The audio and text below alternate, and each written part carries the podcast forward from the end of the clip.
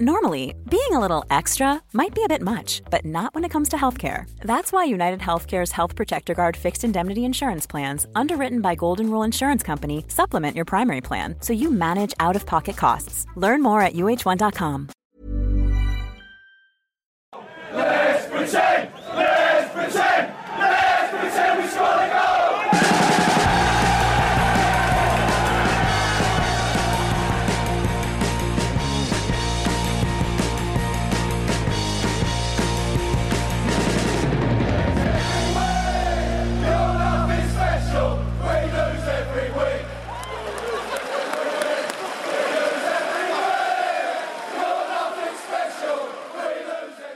Sportbladets Premier League-podd. Eh, Det är måndag morgon. Vi har en full omgång att blicka tillbaks på. Makoto Asahara i studion. Välkommen. Tackar. Frida såklart från London efter en, en eh, helg med stor dramatik. Jag vet att du var på London Stadium, Frida.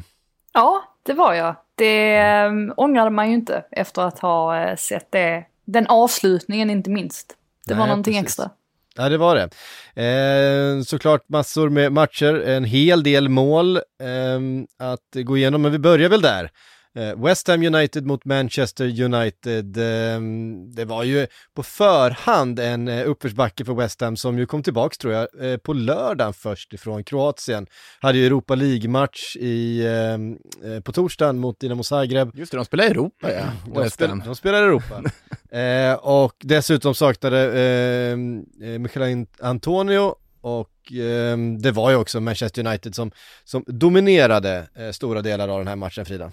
Oj, tycker du? Ehm, ja, nej men så var det kanske. Jag tyckte väl i många fall att West Ham det är klart att de också slarvade lite sådär men vi tyckte att de kom framåt ganska fint. Um, tyckte att de saknade Antonio dock. Att Bowen kanske inte var lika klinisk framför mål som man hade kunnat tänka sig att Antonio var.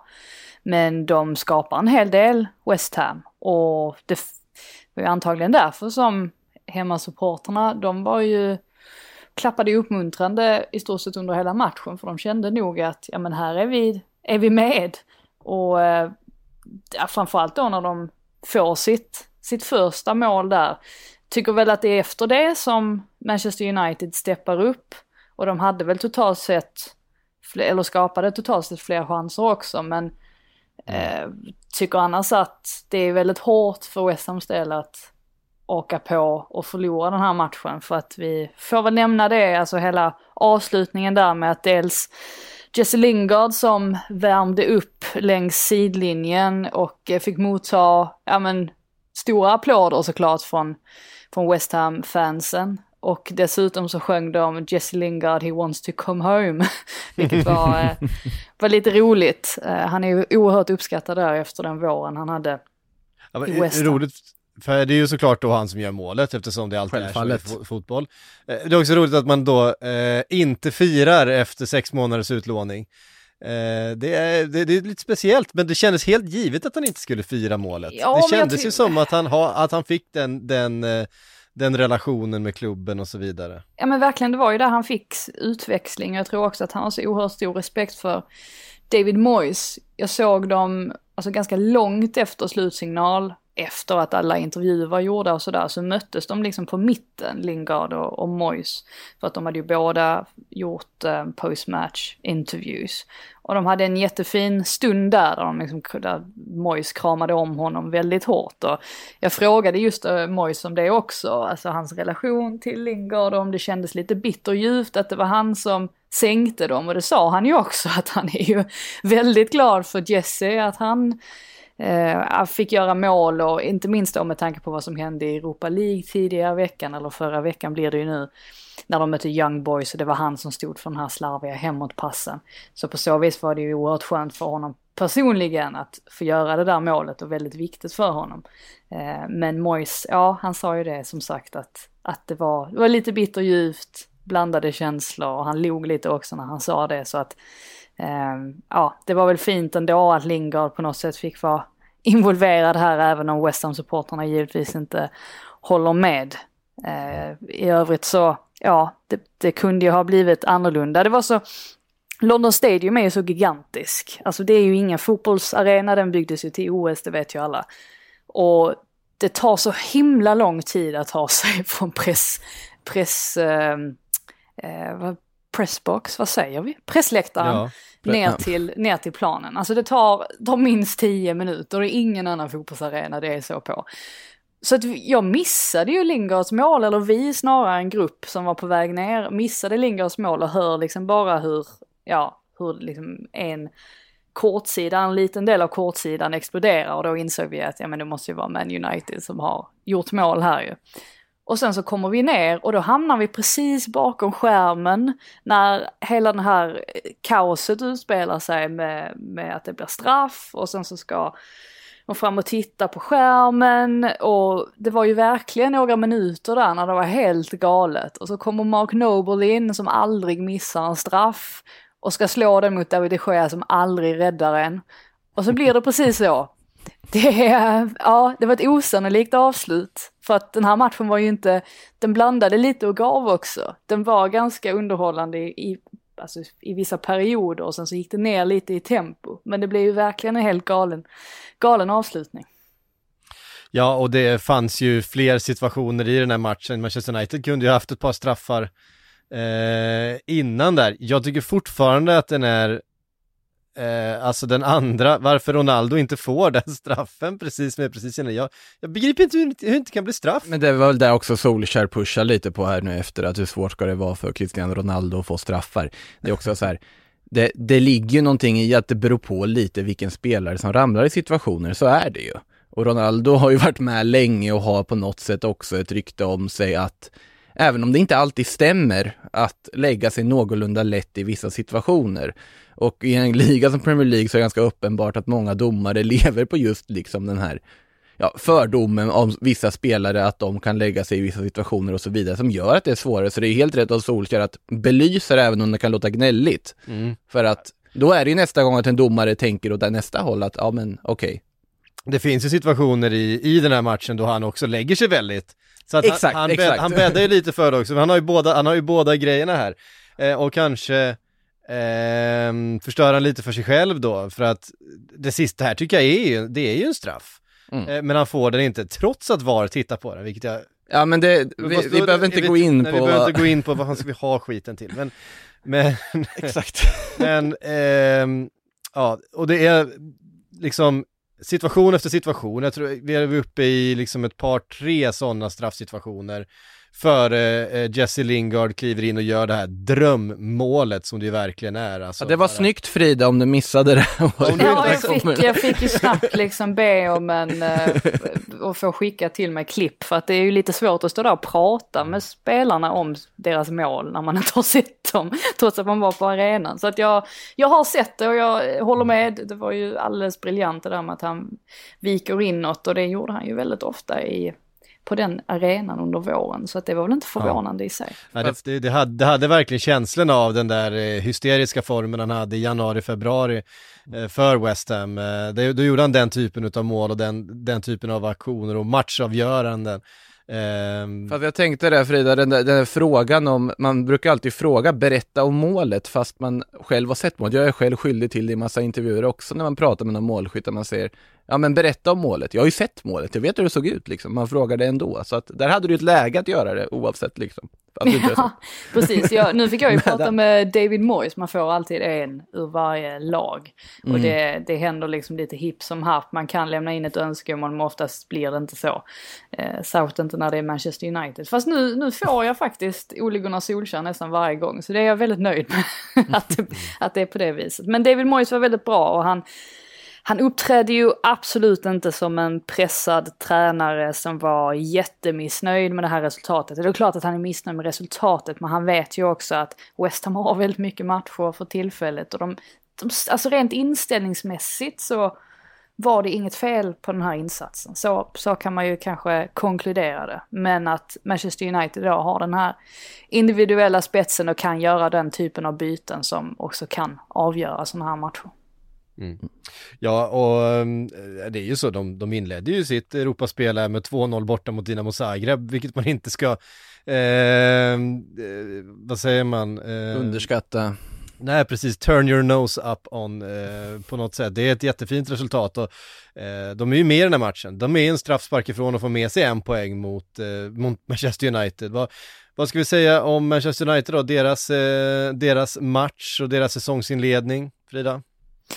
Ja, men alltså det är väl klart att säsongsinledningen är ju bra på så vis att ja, men de är med där uppe i toppen, de är obesegrat. Det är klart att det kanske var nära att det skulle bli både poängtapp och till och med förlust mot exempelvis Wolverhampton där de inte gör en alls särskilt bra match.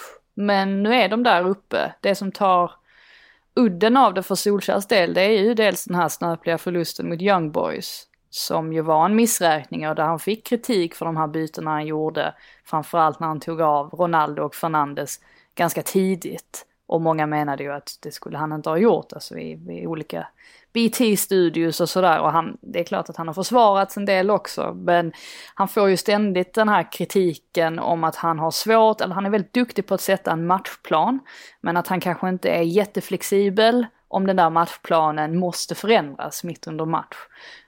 Um, och även då, alltså bytena han gör, att de kanske inte alltid är de rätta att göra.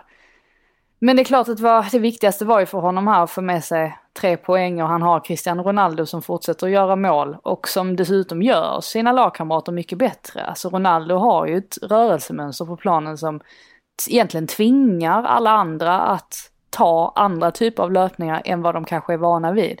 Och det är ju precis det man behöver när man möter ett lag som, eller ja, när man hamnar i en sorts anfallsmässig dvala lite grann som de ibland gör att det blir lite statiskt, lite stiltje. Och att då kunna ha honom som liksom växlar upp eller gör så att hela laget växlar upp. Det är ju såklart otroligt värdefullt. Verkligen. Eh, Manchester United då, ett av tre lag som står på 13 poäng här i, i toppen av ligan. Ett annat av dem är Chelsea. Ska vi inte bara har, har vi, konstatera ja, vi, innan att... Har vi, inte prat, men har vi inte pratat om, vi pratade ju knappt om Mark Noble nu. Exakt, det var lite det. De bytte alltså in en spelare för ja, att okay. slå en straff och han brände den. Och det var Mark Noble. På något sätt så här, det är ett idiotdrag, men bara på att de bytte in just Mark Noble för att göra det finns det något otroligt vackert i det tycker jag. Även om han liksom brände, så att jag kan på något sätt inte bli arg över beslutet. Även om det var korkat för att det just var Mark Noble de bytte in. Men, men grejen, är ju, grejen är ju också att det är ju korkat för att han missar. Alltså hade han satt så den så hade ju David Moyes varit ett geni. Det är ju det som är rätt intressant med fotbollen. Mm. att du, du, tar ett, du fattar ett beslut och sen går det inte väl ut och då är du dummast i världen. och så, så är det ju alltid. Det var ju samma sak i EM-finalen nu i somras när Southgate bytte in en massa spelare på konstiga positioner för att han skulle ha dem till straffläggningen och sen missade allihopa. Mm det, det föll ju inte heller väl ut. Och han fick också kritik för det. Så det är ju enkelt att komma i efterhand och säga att det där var fel beslut. Eh, David Moyes satt ju och sa att han inte ångrade någonting. Det är klart att han, han kan ju inte sitta och säga att han ångrar det. Men eh, jag håller med, det är klart att det vore, vore ganska fint om Noble faktiskt hade satt den. Och hans facit är ju väldigt bra. Däremot personligen så gillar jag inte när man eh, byter in en spelare bara för att lägga en straff. Ja, jag tycker att det känns lite osäkert. Ja, alltså att komma in kall på det sättet, det är ju en jättedålig straff dessutom. Den är ju precis i den höjden då målvakten räddar. Eh, och inte tillräckligt långt mot, eh, mot stolpen utan för de Geas, eh, det blir liksom 50-50, han behöver chans åt rätt håll. Gör han det så tar han den straffen. Ehm, ehm, så att nej, det, det, jag är helt med. Jag tycker man ehm, att, slå, att, att göra grejer, komma in helt kall och göra vad det än är. Alltså, vi har sett spelare komma in och slå en frispark det första de gör till exempel. Det funkar ju sällan. Man behöver få igång kroppen, man behöver få ett par bolltouch, man behöver liksom komma in i, i uh, the mindset. Nu får han istället vadå, 15 sekunder han ska ta sig liksom från, eh, från sidlinjen bort till straffpunkten och fundera på vart han ska slå den här. Eh, och, Hans ja, heatmap var ganska imponerande. det är den roligaste statistiken från den här helgen är ju Mark Nobles liksom shot och map och heatmap. Ja. En punkt i straffpunkten liksom, ja. brände den. Mm. Kanske ska eh, nämna också den lilla franska kampen mellan Pogba och eh, Zuma. Jag vet inte om de är sådär jättebra vänner efter den här matchen. Det var, var några riktiga duster där. Eh, mm. och dessutom då någon situation där Zuma flög som en vante eh, över Pogba som fick frispark emot sig. Jag blev fullkomligt vansinnig. Så att ja, jag vet inte om de är, de är bästisar nu. De får kanske lugna ner sig lite innan de tar kontakt igen. Ja. Ja, det är eh, Zuma för övrigt som, eh, som har den här sista tacklingen på Ronaldo eh, som han kom undan med blotta förskräckelsen. Eh, nu går vi vidare till Chelsea eh, mot Tottenham. Eh, 3-0 blev det där, jämn första halvlek då båda lagen faktiskt eh, skapade en del. Eh, Kepa i Chelseas mål fick sträcka ut på någon, någon boll, höll nollan för att han behövde egentligen bara jobba 45 minuter, för andra halvlek så var det bara ett lag på plan. Eh, och det är det där 1-0 målet som kommer efter en hörna som eh, Thiago Silva knoppar in och sen efter det så är det som att ja, luften går ur Spurs och det, eh, det blir inte så mycket mer Frida. Nej, alltså det här var ju en, eh, alltså ska man jämföra med Crystal Palace så känns det ändå som ett fall framåt. Framförallt om man ser till alltså vilket Först, mittfält som Nuno... var ju faktiskt väldigt bra. Ja, vilket mittfält som Nuno mönstrade här. Alltså mot Crystal Palace mm. så var det ju Wing, Skip och Höjbjerg och pratade om att det var ja men det, det saknade för mycket kvalitet, mm. eller kvalitet också, men framförallt kreativitet var det ju man saknade. Och här är det ju Deli Alli då som tar ett litet kliv neråt och så Höjbjerg, en Dombele, äntligen får man säga honom. Eh, och sen så Kane, Lo Celso och Son. Och eh, ja, alltså som sagt det såg ju bättre ut och jag tycker väl att det är den approachen som Nuno bör ha hädanefter också. Men Chelsea är ju ett sånt här lag den här säsongen som kan plocka fram det där lilla extra. Alltså man har Thiago Silva då som gör en ruggigt bra match och man kan inte fatta att han fyller väl år nu snart också. Jag kan inte fatta mm. att han är så, så gammal som han är. Vad är, vad är det? 37. Är, ja, han fyller 37. Han fyller 37. Han fyller 37. Ja, om bara några dagar. Och eh, Dele Alli har ju ingen chans mot honom där i straffområdet. Och det, Dele Alli tog på sig det också, att han inte markerade honom ordentligt. Men det är klart, det är väl svårt också när han kommer flygande. Och sen så har ju Chelsea lite, lite tur där med Kante skott som tar på eh, Dyer och ändrar riktning helt och ställer ju Joris. Så att, men samtidigt så, det, det visar ju också vilket eh, ah, vilket sorts lag Chelsea är i år, att de har de här marginalerna på, sida, på sin sida och efter den här matchen mot Aston Villa som man också vann med 3-0 trots att man inte spelade jättebra så nej, det är, ehm, de är ett tufft lag att möta just nu. Det, så är det onekligen. Men det är ju, det är liksom, det är inte bara att de tar 1-0 segrar på, segrar på att ha marginalerna på rätt sida, de tar 3-0 segrar på att ha marginalerna på sin sida och utan att vara helt på topp. Och det säger ju väldigt mycket om och Lukaku en... gjorde inte ens mål idag. Bara en sån sak. Nej, det, det, vad var det? Ry... Ja, Thiago Silva, Rydiger, Ngolo Kanté, det är inte de tre målskyttar man kanske hade tippat inför om man skulle tippa en 3-0-seger liksom. Nej. Men de har som... Lukaku var ganska blek i den här matchen skulle jag vilja säga. Han har egentligen, han har ett avslut på mål, en nick där på slutet.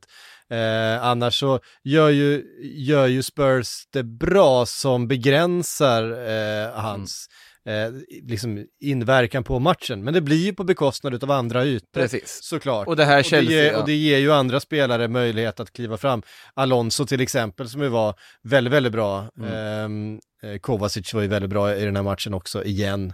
Eh, fantastisk spelare. Det, ja, men det är ju en läskig bredd de har och läskigt många spelare som verkligen kan vara matchavgörande. Nu är det ju inte man kan räkna med att Thiago Silva ska hoppa upp och knoppa in ett inlägg varje match. Men bara på att Lukaku har en sämre dag, då har du Kai Havert eller Mason Mount som kanske kliver fram. Liksom, du har täckning på varenda position. Du har en, liksom, otroligt bra start av en av de bästa i liksom serien och en av de absolut bästa trupperna. Det är ju en guldkandidat på alla sätt och vis och det finns ju ingenting de har visat under den här säsongstarten som liksom säger emot att de kommer vara med och slåss om alla titlar väldigt långt fram i den här säsongen. Ja, jag tycker att ja. uh, Tuchels behandling av just Alonso har varit väldigt intressant. Mm. För att man tänker, under Frank Lampard så var man ju fullkomligt övertygad om att Alonso skulle lämna Chelsea. Och i somras att man kanske också trodde att det fanns en möjlighet att han skulle lämna. Men det blev ju Emerson då som lämnade istället, vilket jag tycker är helt rätt beslut av klubben. Men just det här att Alonso var ju faktiskt den som hade kaptensbindeln i förra matchen vilket jag tyckte var ganska förvånande. Men det är kanske så att Tuchel förstår vilken alltså personlighetstyp som Alonso är och för att få ut maximalt av honom, för att få honom att känna sig manad att plocka fram det bästa av sitt spel eller i sitt spel. Så kanske man liksom ska ge honom en, en liten viktigare roll, att han ska känna att han är en av ledarna i det här Chelsea. Han är en av de mer erfarna spelarna. Och än så länge så fungerar ju det alldeles utmärkt får man säga. Ja, verkligen. Um, en eh, imponerande till slut eh, 3-0 seger eh, utav Chelsea. Är med där uppe. Eh, Liverpool mötte Crystal Palace, 3-0 även det. Och det som är intressant är ju att Chelsea och Liverpool har identiska eh, res resultat efter fem matcher, nämligen tre stycken 3-0 segrar, en 2-0 seger och eh, så 1-1 när lagen då möttes. Eh, det, eh, det, är intressant statistik. Liverpool som inte imponerade så mycket, kanske som man gjorde mot Leeds eller eh, i perioder mot Milan här mot Crystal Palace, men eh, precis som för Chelsea mot Tottenham så är det eh, hörner och fasta situationer som, eh, ja, två av Chelseas mål kommer efter hörna och alla tre målen faktiskt för eh, Liverpool kommer ju efter hörner. Mm. Mot Crystal Palace. Så det är det som på något sätt blir den stora skillnaden lagen emellan, även om Liverpool såklart dominerade stora delar av spelet så skapar ju Crystal Palace en hel del målchanser i det öppna spelet eh, och såg farliga ut under hela matchen egentligen. Eh, Absolut. Men, men, just de här fasta situationerna, där, där vet vi också att Liverpool är väldigt, väldigt starka offensivt och har gjort mycket mål sen, alltså under hela Jürgen Klopp-eran, gjort väldigt mycket mål på fasta situationer. Ja, alltså Pallas ska ju göra minst ett mål i den här matchen. Det är ju mm. ofattbart faktiskt att de inte gör det. Jag tror nog att Vera kommer nu ge Eduard chansen från start i nästa match. Eller jag skulle tippa att det blir så för att varje gång, gång han kommer in så känns det som att han ändå är lite vassare än övriga anfallsalternativ som Benteke och, och eh, Ayu spelar väl lite ut på kanten. Men ja, jag, jag tycker nog att att eh, Ottsson, att han förtjänar sin, sin chans där. Och i övrigt så är det klart att Vera är ju frustrerad säkert över det här att man släpper in mål på en massa fasta situationer. Det är ju definitivt någonting de måste mm. jobba på. Eh, den löpningen som Salah tar vid 1-0 målet där, när han liksom, det, det, är ju han som gör det målet, alltså när han får till den här nicken och sen så dyker dyker Mané upp och lägger in bollen. Alltså det är, han får ju springa fram helt ohotad och det är ju för att Palace släpper den, eh, släpper den zonen helt enkelt i straffområdet. Ja. Så att det är ju definitivt någonting de måste släppa till, eh, slipa till och jag tycker ju att Ridevalls försvarsspel var under all kritik också. Både egentligen vid Salas 2-0 mål samt Keitas mål också. Det är klart att det är ju ett fantastiskt mål i sig men han måste ju gå fram och och sätta lite press där eller att markera att han finns och det, så kändes det inte riktigt. Nej. Så att, eh, ja, en besvikelse för Vera, även om jag tycker att Palace ändå visar tillräckligt för att man ska tro att det här nog blir bra för dem i alla mm. Vi satt ju och var lite oroliga inför säsongen, man tänkte att det kanske kunde bli en sån där Frank de Boer situation igen, där Crystal Palace försöker hitta en, en, eller slå in på en ny väg och sen så faller det inte väl ut. Men jag tycker ändå att man ser tillräckligt positiva aspekter för att man ska känna att ja, men det, här, det här kan nog gå vägen ändå för dem. De kan nog stabilisera sig i mitten och kanske till och med ännu högre på sikt. Eh, det har i alla fall börjat eller inletts ganska lovande för Vira. Jag håller helt med liksom, alltså det finns ju en helt annan form av positiva tendenser som man inte förväntade sig skulle finnas på det här, det här bygget så här pass tidigt, även om, alltså resultatraden är ju okej, okay, om man säger så hittills för dem, men eh, det kan bli bra, alltså det kan, borde ju inte vara ett lag som behöver oroa sig allt för mycket för att bli indraget i den allra värsta bottenstriden om man inte plötsligt skulle tappa jättemycket här nu under hösten och våren, men just nu ser det väl ändå ljust ut för dem, måste man säga. Ja, verkligen. Jag tycker det ser Eh, det ser bättre ut den här säsongen än vad det gjorde, mm. vad det gjorde förra säsongen och det, det säger ändå något. Eh, Sen är det ju, ja. Sen är det ju starkt också av Liverpool att vinna fast att man har ja. sin, sin främsta kreatör borta, eller främsta, främsta chansmakare kanske man ska mm. kalla mm. Alexander Arnold. Och att Milner då kommer in istället, eh, vilket gör att Henderson får trycka upp lite lite högre. Det är väl klart att man saknade ju Alexander Arnold, det, det var ju väldigt Det, det, tydligt. mär, det märktes ju tydligt att... ja, eh, Milner får en annan roll liksom. Jag måste bara säga det här om Milner då, för jag tyckte det var intressant. Jag, jag satt och tittade på Match of the Day och de tog fram den här statistiken. Han är 35 år gammal. Han kommer in och spelar på en position som han i stort sett aldrig har spelat innan. Han har ju spelat en hel del vänsterback, men inte så mycket högerback. Han är alltså, eh, han tar alltså flest touch av alla spelare på planen.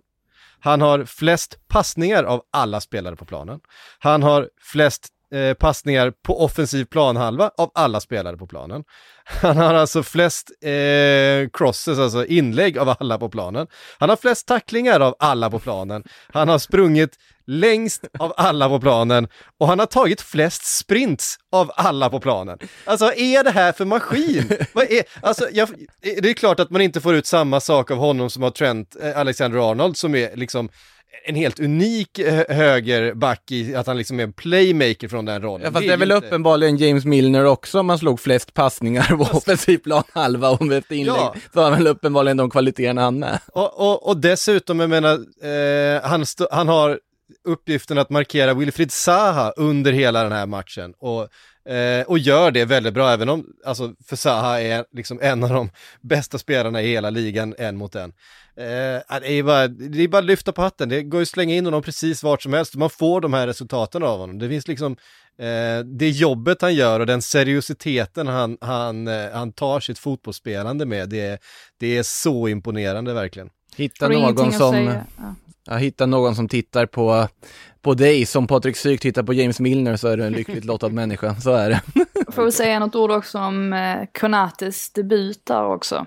Just det. Ehm, Eh, det Ibrahim- var ju ja, lite blandad får man väl säga. Vissa grejer gör han ju väldigt, väldigt bra. Bland annat när han är väldigt följsam på, det är väl Benteke som Mm. försöker hitta något skottläge där under första halvlek. Men där han gör, ja, Konate följer med honom och, och tvingar honom helt enkelt att eh, bara styra ut skottet. Men eh, sen är det väl någon gång också när han går bort sig lite. Men överlag tyckte jag att han såg, såg ganska stabil ut. Och det är ju det som är så skönt för Liverpools del nu, att det inte bara är en mittback man har tillbaka i van Dijk, utan det är liksom två, tre stycken som är tillbaka. Och har man nu honom också så känns det ju som att man definitivt har säkrat upp den positionen i alla fall. Ja, precis. Vi vet ju. Eh, jag tror att, att etta och tvåa ändå är van Dijk och Joel Matip.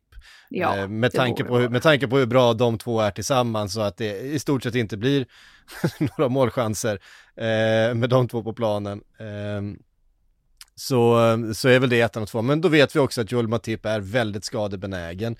Eh, och kommer inte kunna spela varje match varje, varje vecka. Och eh, van Dijk då precis tillbaks efter en svår knäskada. Kommer heller inte kunna spela alla minuter under det som fortfarande är en uppbyggnadsperiod. Eh, så att Gomes Eh, precis tillbaka också. Så. och Gomes också precis tillbaka så att är ja, men viktigt att kunna rotera här och att ha fyra så pass bra mittbackar att rotera med. Det, det är lite skillnad mot hur det var förra säsongen om man säger så.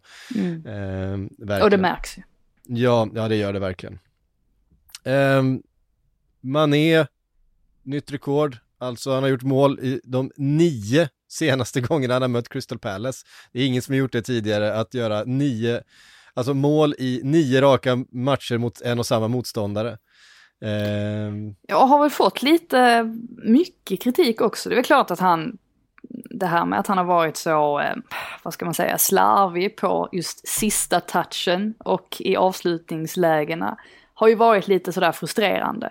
Men i övrigt så har han ju ändå, man får ändå tänka att han har behövt ta på sig en liten annan roll nu när Firmino har varit borta och ja, men, har ett litet annat rörelsemönster än vad han är van vid. Och jag tycker att han har gjort det väldigt bra. Det visar ju alltså rent statistiskt också att han, att han gör väldigt mycket som man kanske inte ser heller på planen som, som leder till många chanser. Så att eh, även om man, har, man håller kanske Salah högre sådär eh, automatiskt så får man inte glömma bort att man är ändå faktiskt har presterat även om man, det kan vara frustrerande att se honom avsluta ibland.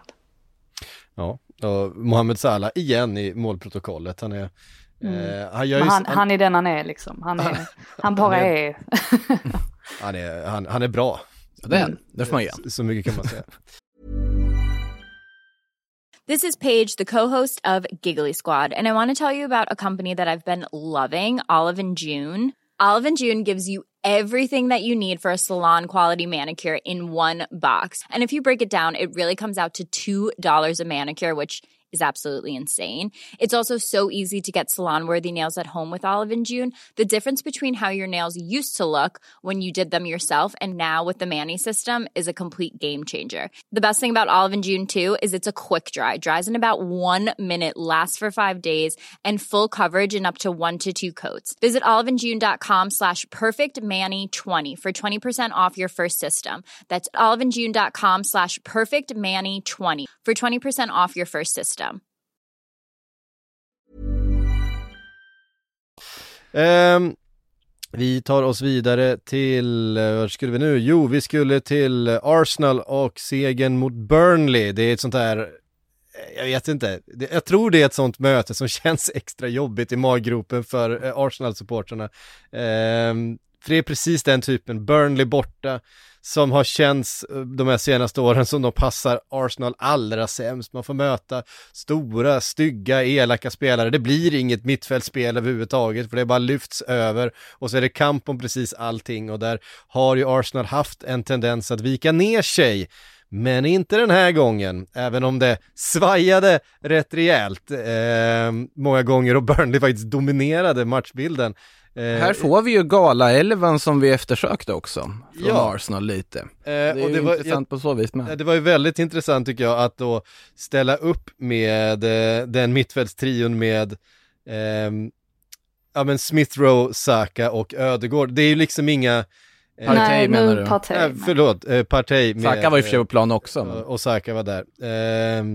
Ja, det var ju nästan Ja. som att Partey spelade ju framför backlinjen egentligen för att skydda den. Och det fungerade ju väldigt bra och det är ju någonting de behöver också.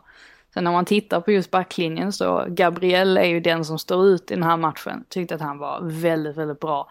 Ben White däremot, ja lite slarvig i vissa lägen. Kunde ju ha fått ett varmål emot sig där, i alla fall en varstraff emot sig.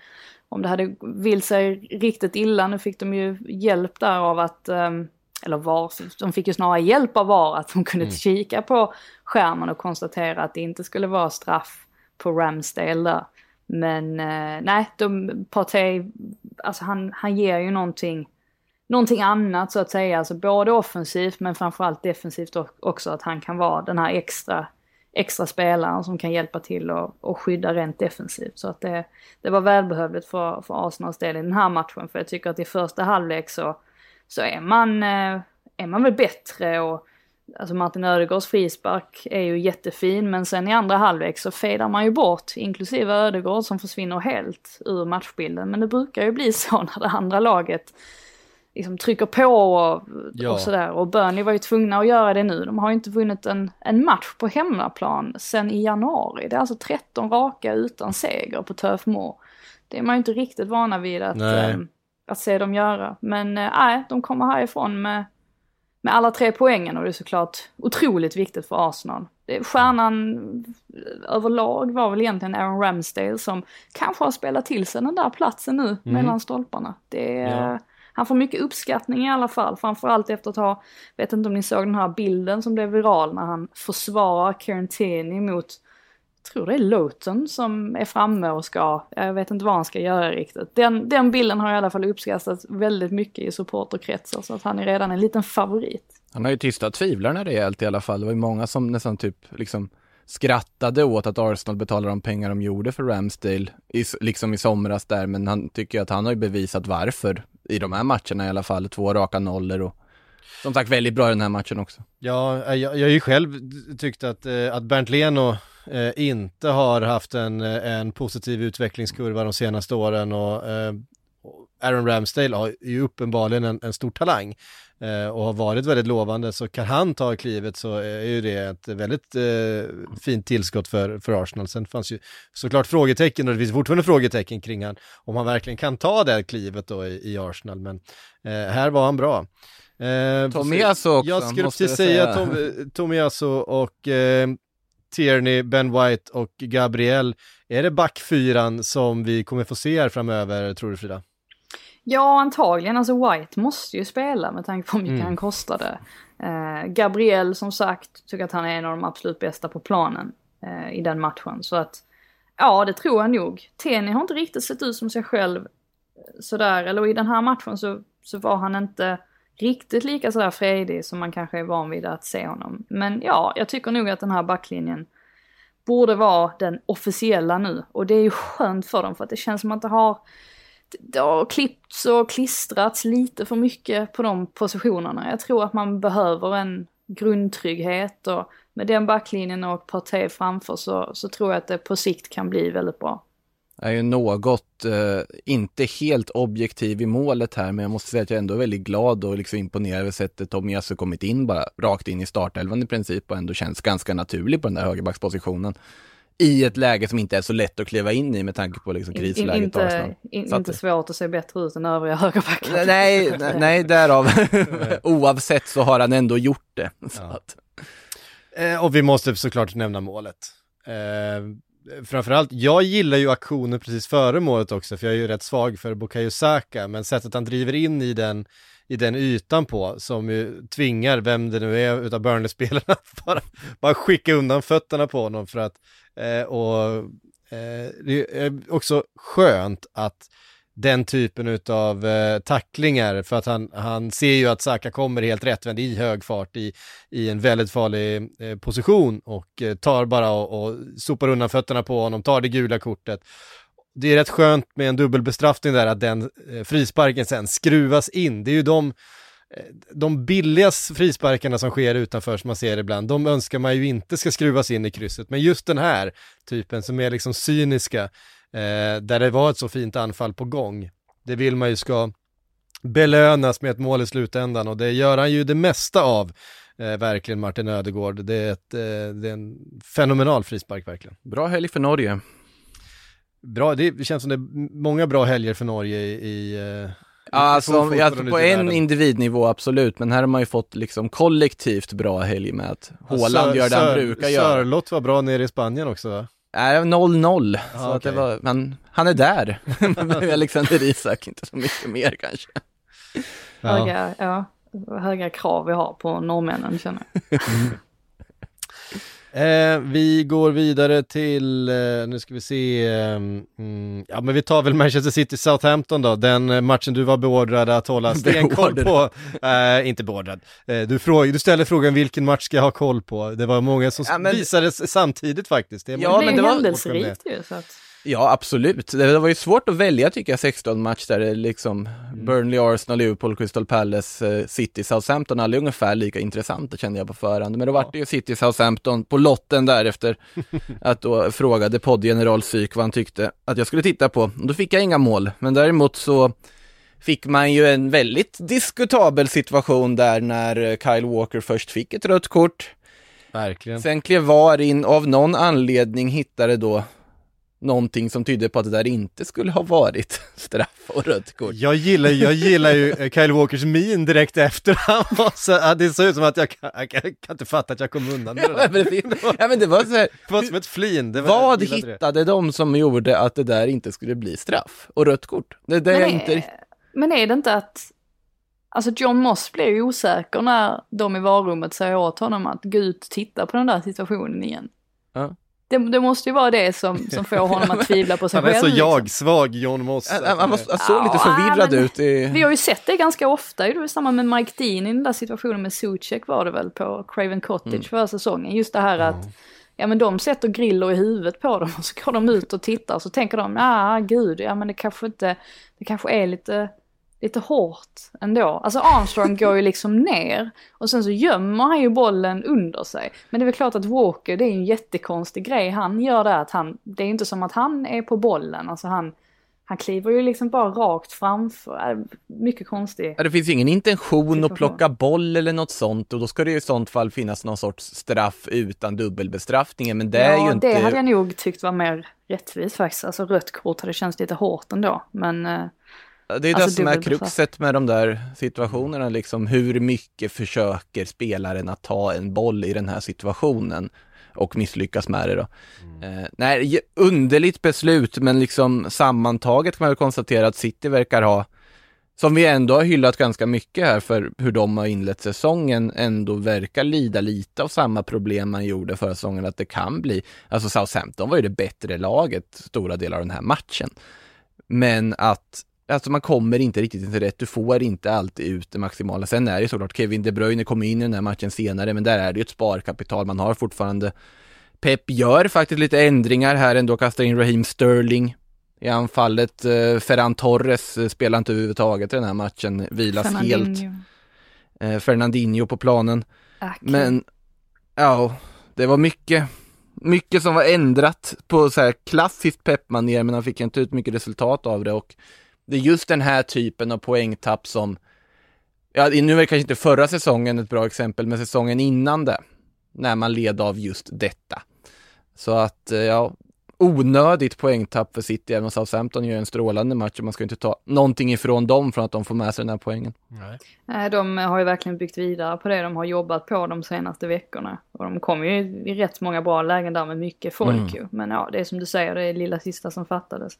Men det som är intressant ändå, det är ju att det är ju Peps alla uttalanden på något sätt som präglade förra veckan. Alltså först det här han sa efter seger mot RB Leipzig, när han uppmanade fler fans att komma dit. Jag tror att det var 20 000 tomma platser på Etihad under onsdagen. Ehm, och och det, det togs ju inte emot väl i supporterkretsar, de blev ju fullkomligt vansinniga. Och den här general secretary of eh, deras supporterförening gick ut och, och sa till Pep att han borde hålla sig till fotbollen. Så att det var inte som att, som att det togs emot med öppna armar direkt. Nej. och det, det kan jag tycka är... Jag förstår ju att det är en känslig debatt kring det här med hur många supportrar egentligen Manchester City. Eh, samtidigt så tycker man inte egentligen att det är något fel i det Guardiola säger. Ja, det kanske det är då, men jag... Ja. Nej men jag kan också, alltså man vet ju att det spelar roll, man vet ju att det spelar väldigt stor roll för, för, för eh, prestationerna på planen, det har vi ju sett. Det, vi, vi har ju liksom det typ svart på vitt, att det, det, det betyder mycket eh, känslomässigt för spelarna, det betyder mycket för prestationen. Och det är ju klart att när nu fotbollen liksom är tillbaks och det är Champions League och det är allt det där och det är proppfullt på Old Trafford och världens jävla stämning. Det är proppfullt på Anfield och det är världens jävla stämning. Eh, liksom i de här matcherna. Och sen så är det inte det på Manchester. Det är klart att, det- att det, det blir, man kanske hade förväntat sig det som spelare, som tränare och så vidare. Ehm, och det kan, ju ha sina, det väl- kan ju ha sina förklaringar liksom, men det, det kan väl, man kan ju förstå det att den frustrationen ändå pyser ut lite grann. Eh, Ja, man får väl ha eh, respekt Pep. för att det är, det är dyrt med Och det är dyrt. idag. Mm. Det, det är ju definitivt, och det var väl det supporterföreningen också tryckte på att ja men kan inte Guardiola öppna sin plånbok och eh, dela ut gratisbiljetter till ungdomar i området som absolut inte har råd. Så att den Mm. aspekten förstår man ju absolut. Jag menar med liksom att varför ska inte Guardiola ha rätt att säga det? Jag menar, de flesta supportrar har ju ifrågasätter ju kanske honom som tränare och har jättemycket att säga till om sett till Guardiolas beslut och det han gör i, i sitt jobb. Alltså ska inte han då få skicka en uppmaning till fansen? Det är där jag tycker att det kanske blir lite, Men- för, lite för känsligt ändå.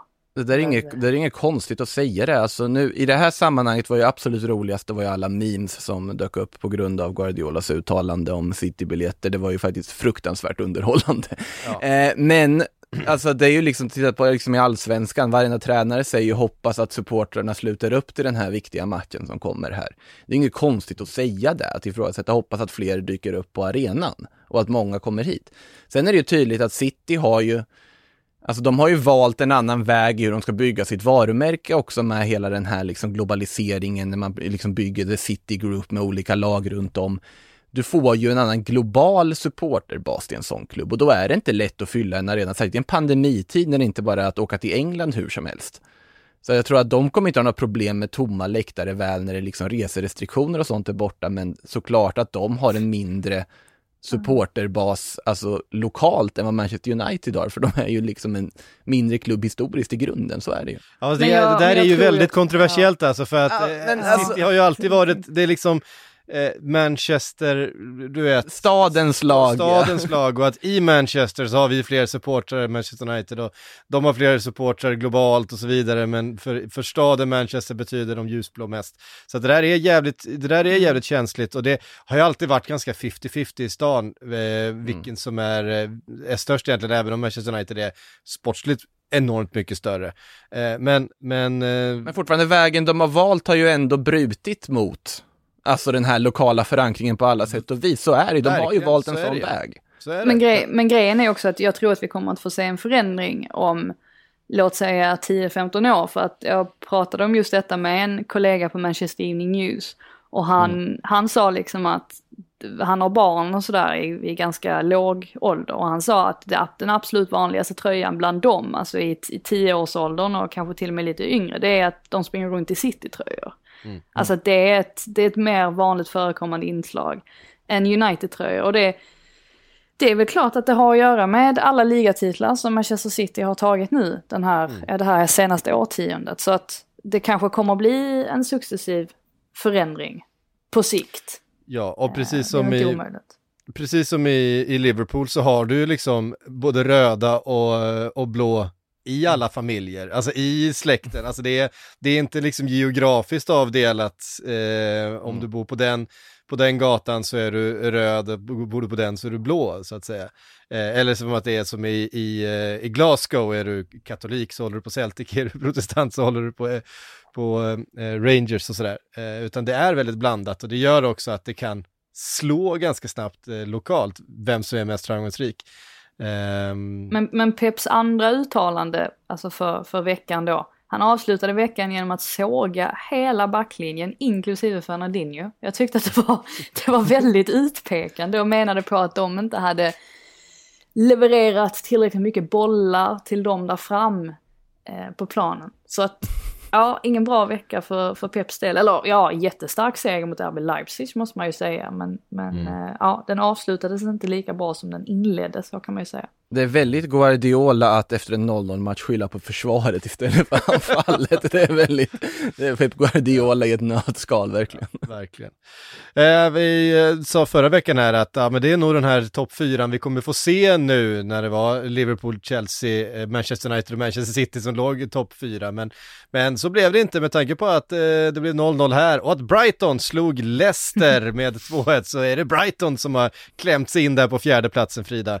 Eh, Ja. Det värmer väl lite extra va? Graham Potter äntligen får eh, utväxling på sitt spel och att nu trillar ju de där bollarna in och Neil Mopé i målprotokollet igen även om det är från, eh, från straffpunkten. Ja, och marginalerna det- så på sin sida. Ja men precis, marginalerna på sin sida det hade man ju verkligen den här matchen. Leicester hade ju två bortdömda mål efter VAR-kollar tror jag under eh, andra halvlek och det var allmänt kaos. Eh, men eh, tre poäng till Brighton. Ja, nej men så är det. Det är väl klart att alltså Rogers var ju inte nöjd efter det här och tyckte ju... Men framförallt så är det den där första situationen när Mopé gör sitt straffmål. Det är ju en hands på Västergård som leder till den straffen. Just Men det. man inte, eller det inte var upptäcker uppenbarligen, det är ju att Mopé faktiskt hänger ganska mycket i Västergård precis innan. Och det är faktiskt lite konstigt att de inte uppmärksammar det. Eh, Jag tycker det är konstigt att VAR får någonting fel. Nej men jag tycker, ja, men du vet när, de sitter ju ändå och studerar den situationen. Så Ja, då, med tanke på det så är det ju faktiskt i, till och med i VAR mått mätt ganska märkligt att de inte upptäcker det.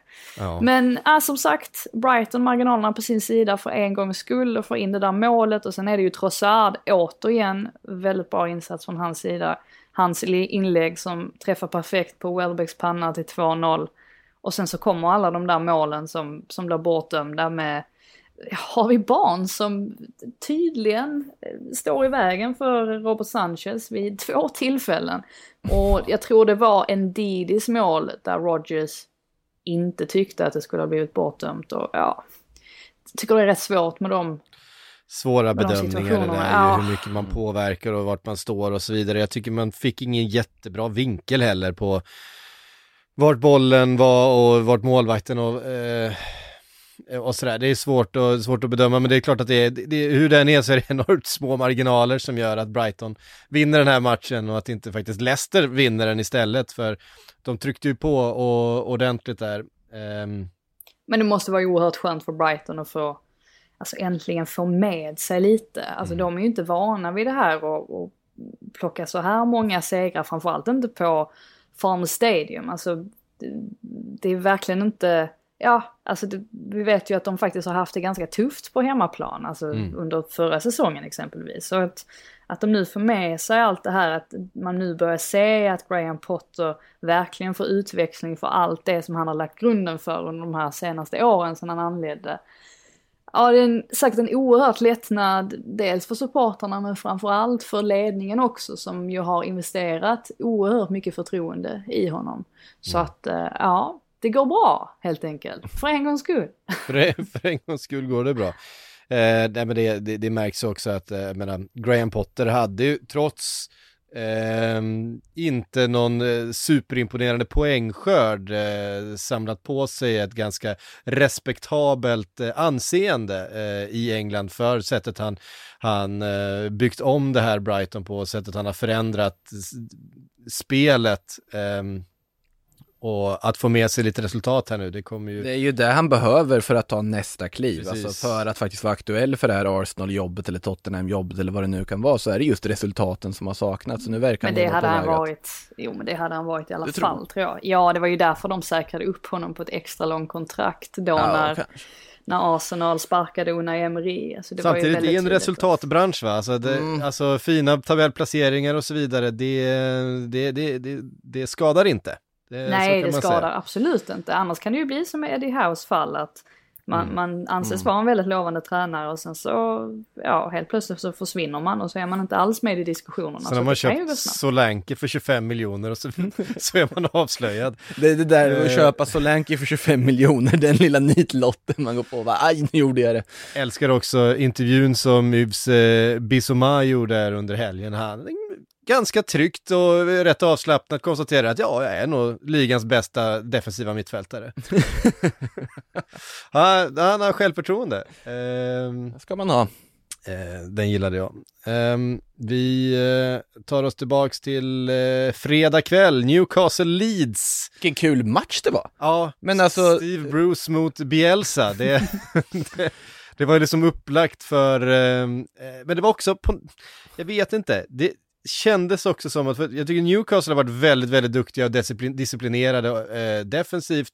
Och så har de ju lite, lite eh, liksom kreativitet och lite flär med eh, eh Almiron och eh, vad fan heter han? Saint Maximin. Saint Maximin, eh, som ju kan ställa till med lite vad som helst. och det, var, det kändes lite som fara och färde för Leeds. Det här är inte ett lag som kommer gå bort sig och kommer vaggas in i Leeds hysteriska bolltempo och så plötsligt så står det 3-0 till Leeds efter att Patrick Bamford har sprungit in med bollen i nät. Um, Lite uppseendeväckande var det ju att, att höra alltså publiken, alltså deras reaktioner, för det tog ungefär 20 sekunder alltså från avsparken fram tills att de började sjunga om Steve Bruces avgång.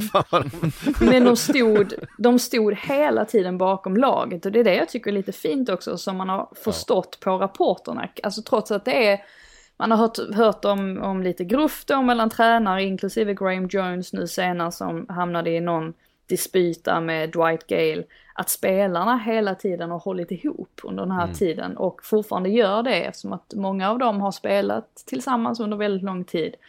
Och så känns det som att supportrarna också värderar det här att, ja nej men spelarna de, de håller vi bakom ryggen liksom, eller håller vi om ryggen. Medan Steve Bruce och Graham Jones säkert nu också får gärna ryka. Mm. Lite den, den känslan. Men det är klart att eh, det är ju, och det känns som att Saint Maximan, det känns som att han också gillar det här lite grann. Alltså han gillar att ta ansvar och ja. gillar att få kliva fram och bli liksom frälsaren och det, ja, han verkar vara en oerhört sympatisk kille också. Jag vet inte om ni såg det, alltså postmatch interview med honom. Han verkar vara, eh, nej men oerhört bra person så att mm. Det är ju, det är skönt för Newcastle att de i alla fall har lite grann att glädjas åt i all den här misären som det ju faktiskt är.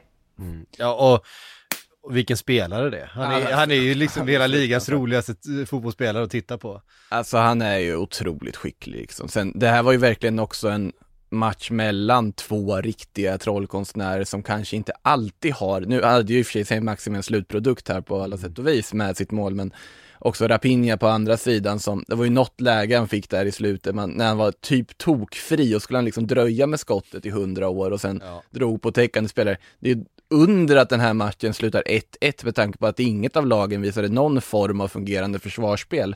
Liksom det på var- något sätt fanns ingen mittfält heller.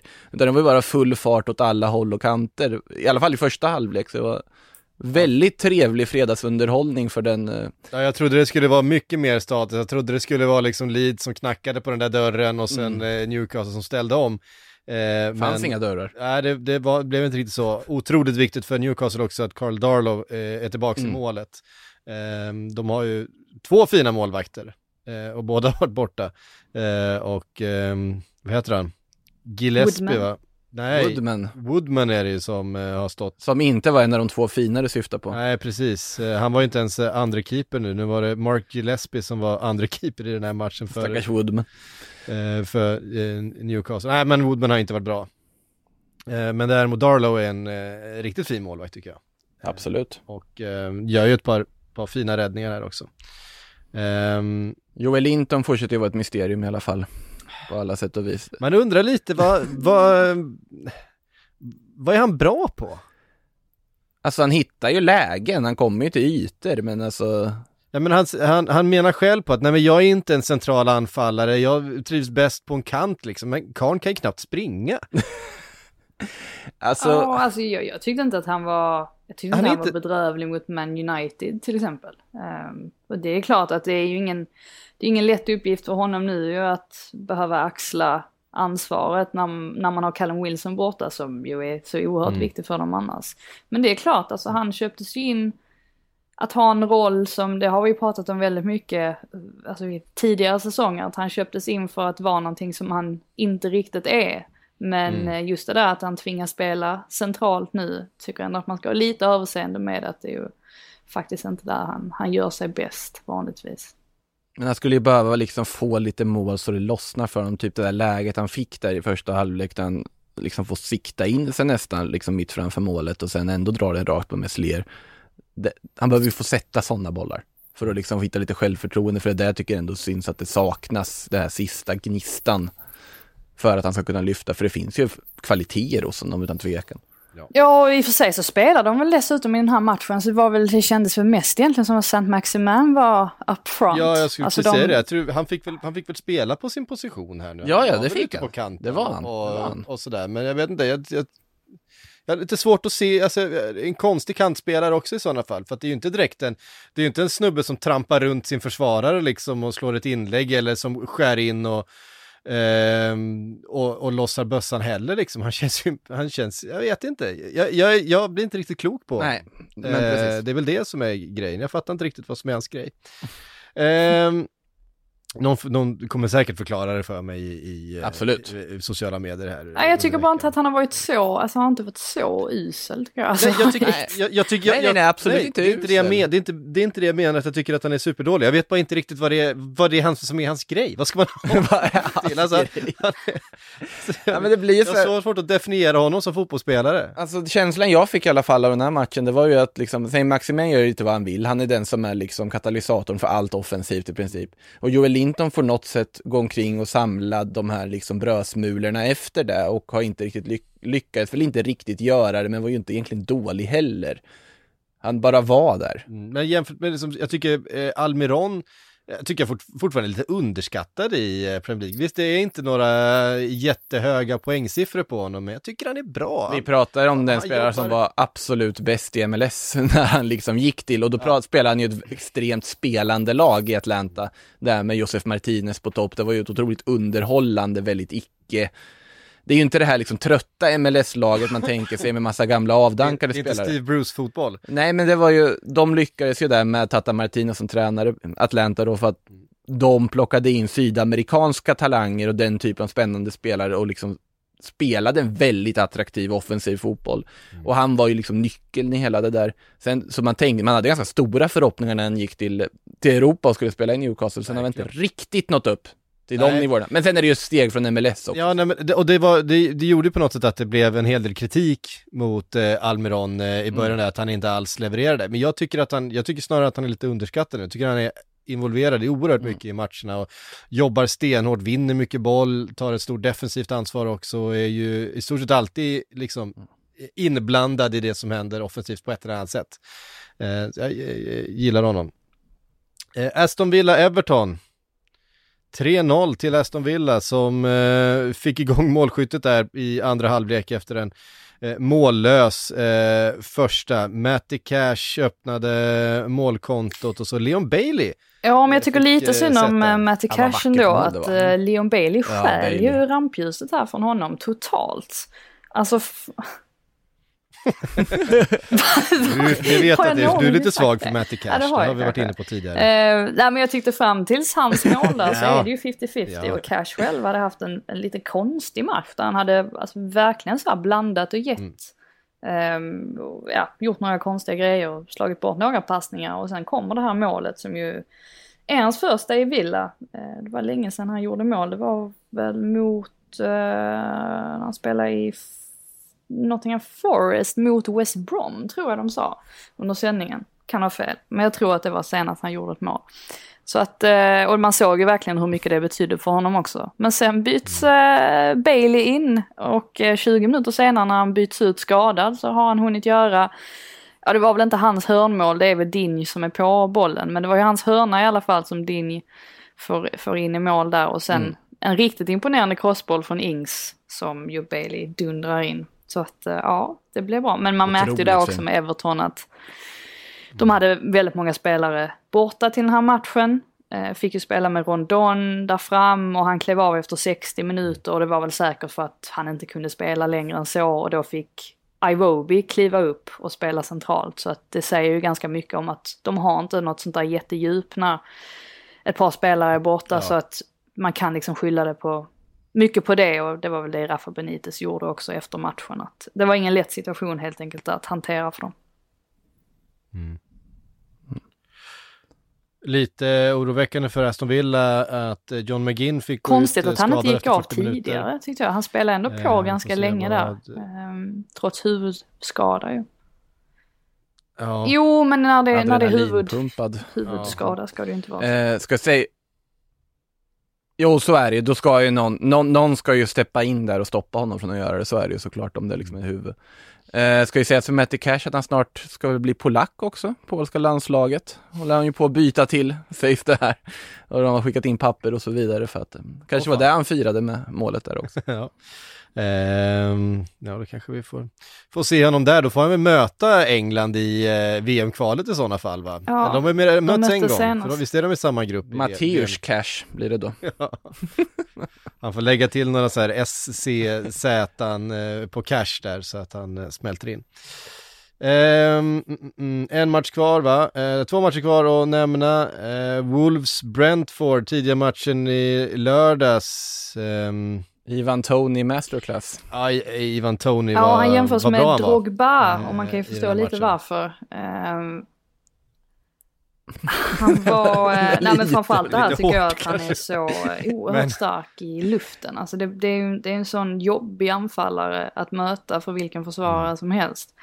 Ehm, sen, sen måste vi ta upp det här med Brentford för att jag vet att det är många som har påpekat det eh, som har, eh, ja men om man supportar ett lag som har mött Brentford att de är ju experter på time wasting. Alltså den här matchen var, varade ju i 99 minuter och 28 sekunder men bollen var bara i spel i 50 minuter och 43 sekunder. Och eh, ja, det höll ju Lars, jag tror att han, han Ja, det sa någonting om detta och, eller påpekade någonting om det och så sa Thomas Frank på presskonferensen att ja men vadå liksom leder man med 2-0 mot ett etablerat Premier League-lag och man är en man mindre dessutom för att de fick ju Batist eh, utvisad. Det är väl klart att man försöker eh, time waste så mycket som möjligt. Men eh, ja, det är ju definitivt någonting de har eh, de har tagit på sig att de ska utnyttja det vapnet i alla fall och det går ju vägen än så länge. Alltså, Sen, sen, ja, men sen måste ju Wolves också se sig själva i spegeln här, hur de ställer upp på, på defensiva fasta. Eh, när det är Marsal som då ska ta Ivan Tony. Och det är klart att han, han är ju chanslös. Hur, hur stor är Marsal? Det är ju en, liksom en 1,70 kille. Ska han då markera Ivan Tony? Han har ju inget val än att liksom försöka Det är ju helt brotta ner rätt honom på blir alla sätt han också, kan. för sådana så där situationer kan jag verkligen bli förbannad över. Alltså det är så, mm. ja, det är rätt många gånger som spelare kommer undan med att göra sådana såna där grejer också, där man inte har någon som helst tanke på att försöka nå bollen. Nej, och det var faktiskt, faktiskt inte första gången i matchen heller. Det var en likadan situation som domaren inte uppfattade eh, tidigare i matchen där Marcel bara tar ett, han, han bara tar ett, eh, ett helt eh, livtag om Ivan Tony och bara slänger ner honom på marken liksom.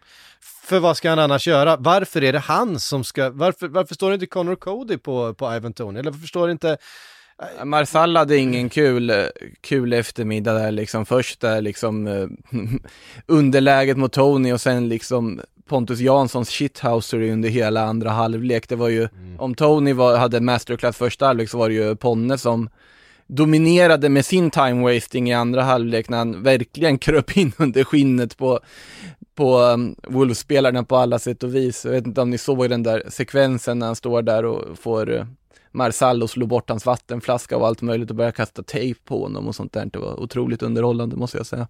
Jag uppskattar sånt. Ja, nej, det, ehm, det var eh, det var lite märkligt i alla fall, för så, man, man såg liksom bara på eh, eh, det är, väl, alltså det är väl inte det, alltså Ivan Tony är väl ingen bjässe heller, men han är så duktig med, eh, med pannan och, och det är klart att det är väl, eh, Brentford skickar upp sina, ja men Pontus Jansson-typer då från eh, backlinjen, och heter han norrmannen som, eh, Ager ja. ja det är också en, en, en stor kille så att säga. Eh, att det blir så att Bollskicklig de, kille dock också, liksom är mittfältare i grunden Eh. som blivit mittback. Det är ju en Nej, men otroligt bra. Någonstans så måste du plocka bort den, den bästa målskytten Och det ska ju, och en ja, så det ska ju nämnas också att Tony, han är inte bara bra i boxen, alltså han är ju Eh. väldigt sådär allround. Um, så att ja, nej, det är kul att se att han kan leverera på den här nivån också för att ja, vi visste ju att han, redan att han kunde göra mål. Ja, och, och dessutom sådär när han, när han liksom lite sådär Lukaku kliver ner och, och eller nästan som Giroud med ryggen mot målet och en försvarare på sig, han såg hur trygg ut som helst, de kom ju aldrig åt honom. Eh, när han gick ner och liksom spelade med target ehm, och fördelade boll på det sättet, Ivan. så det spelet har han ju också i Det sig. är ovärderligt att ha med sig en sån anfallare upp till liksom som nykomling när du, när du ska liksom få kämpa för varje poäng och så vidare. Det är ju precis den typen av säker referenspunkter framme du vill ha som kan göra det mesta och du vet kan avgöra matcher på det sättet han gjorde nu också. Ehm, sista matchen, eh, Norwich-Watford eh, 1-3. Watford eh, eh, gjorde det de skulle, eh, vände höll jag på att säga, det gjorde de faktiskt inte för det stod, eh, de gjorde faktiskt första målet. Ismail Azar var det som avgjorde i alla fall med, med två mål på slutet. Eh, Ja, Är det läget börjar är oroa som- sig för Norwich redan nu? ja nej, men det är väl ganska självklart. Fortsätter ju släppa in den typen av mål att- som de har gjort sedan säsongstart. Det är alldeles för enkelt. Alltså det är situationer inne i straffområdet där de måste kunna vara starkare. De har inga problem egentligen. Alltså de har ju en striker i Pookie som fortsätter leverera. Jag tyckte att hans löpning var... Han är inte den snabbaste, den snabbaste spelaren som finns. Men den där löpningen han gör fram till målet är ju otroligt bra när han liksom är klart onside och ändå så hinner han vända på sig och eh, vara först på bollen i det läget. Det, ja, det finns en spelintelligens hos honom som eh, verkligen lyser igenom. Men som sagt, de saknar ett gediget försvarsspel, gör alldeles för många misstag och det är väl klart att Watford då utnyttjar det.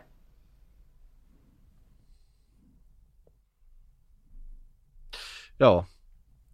Um, och det gör de helt rätt. Och Ismail Azar, vi var inne på att det är guld värt att ha med sig en spelare som Ivan Tony upp från eh, Championship. Nu hade de visserligen med sig Ismail, Ismail Azar ner från Premier League förra gången. Haft med sig honom länge. Men att de, har, att de håller kvar i honom är ju eh, enormt mycket värt för det. Det är ju en, eh, den typen av klassspelare som man behöver om man ska eh, ha en chans att, eh, att hålla sig kvar i Premier League. Det är en, Eh, riktigt svår spelare att möta med sin, med sin snabbhet och, och sin storlek ska jag säga. Så han är rätt Också- stor och stark dessutom. Också skönt för mig att de ändå verkar ha prickat rätt med Manuel Denis-värvningen också. Det är ju en sån här typ av forwardsvärvning man ofta ser nykomlingar göra. Plocka en spelare från typ belgiska ligan som har gjort ganska mycket mål och varit pigg där. Du vet inte riktigt vad det kommer få för effekt på liksom en Premier League-scen. Det kan bli supersuccé, det kan bli ganska stort fiasko. I det här fallet så verkar det ju gå mot det, ja, mot det förstnämnda snarare för, för Dennis som fått en kanonstart ändå på sin Premier League-tid. Mm. Verkligen. Är ni inga frågor idag därför att ehm, Du glömde skicka ut en tweet. jag, glömde, jag glömde skriva på Twitter så det har helt enkelt inte tr- trillat in några. Men eh, klockan har ändå sprungit ifrån oss så att eh, eh, vi tackar så mycket från eh, Sportbladets Pre- Premier League, från, nu kan jag inte prata, Sportbladets Premier League-podd för den här veckan. Lite ligacup i veckan och sen full omgång eh, nästa helg igen och sen så hörs vi helt enkelt om en vecka. Selling a little or a lot? Shopify helps you do your thing however you cha-ching. Shopify is the global commerce platform that helps you sell at every stage of your business. From the launch your online shop stage to the first real life store stage, all the way to the did we just hit a million orders stage. Shopify is there to help you grow. Shopify helps you turn browsers into buyers with the internet's best converting checkout. 36% better on average compared to other leading commerce platforms because businesses that grow grow with Shopify. Get a $1 per month trial period at shopify.com/work. slash work. shopify.com/work. slash work. Igen.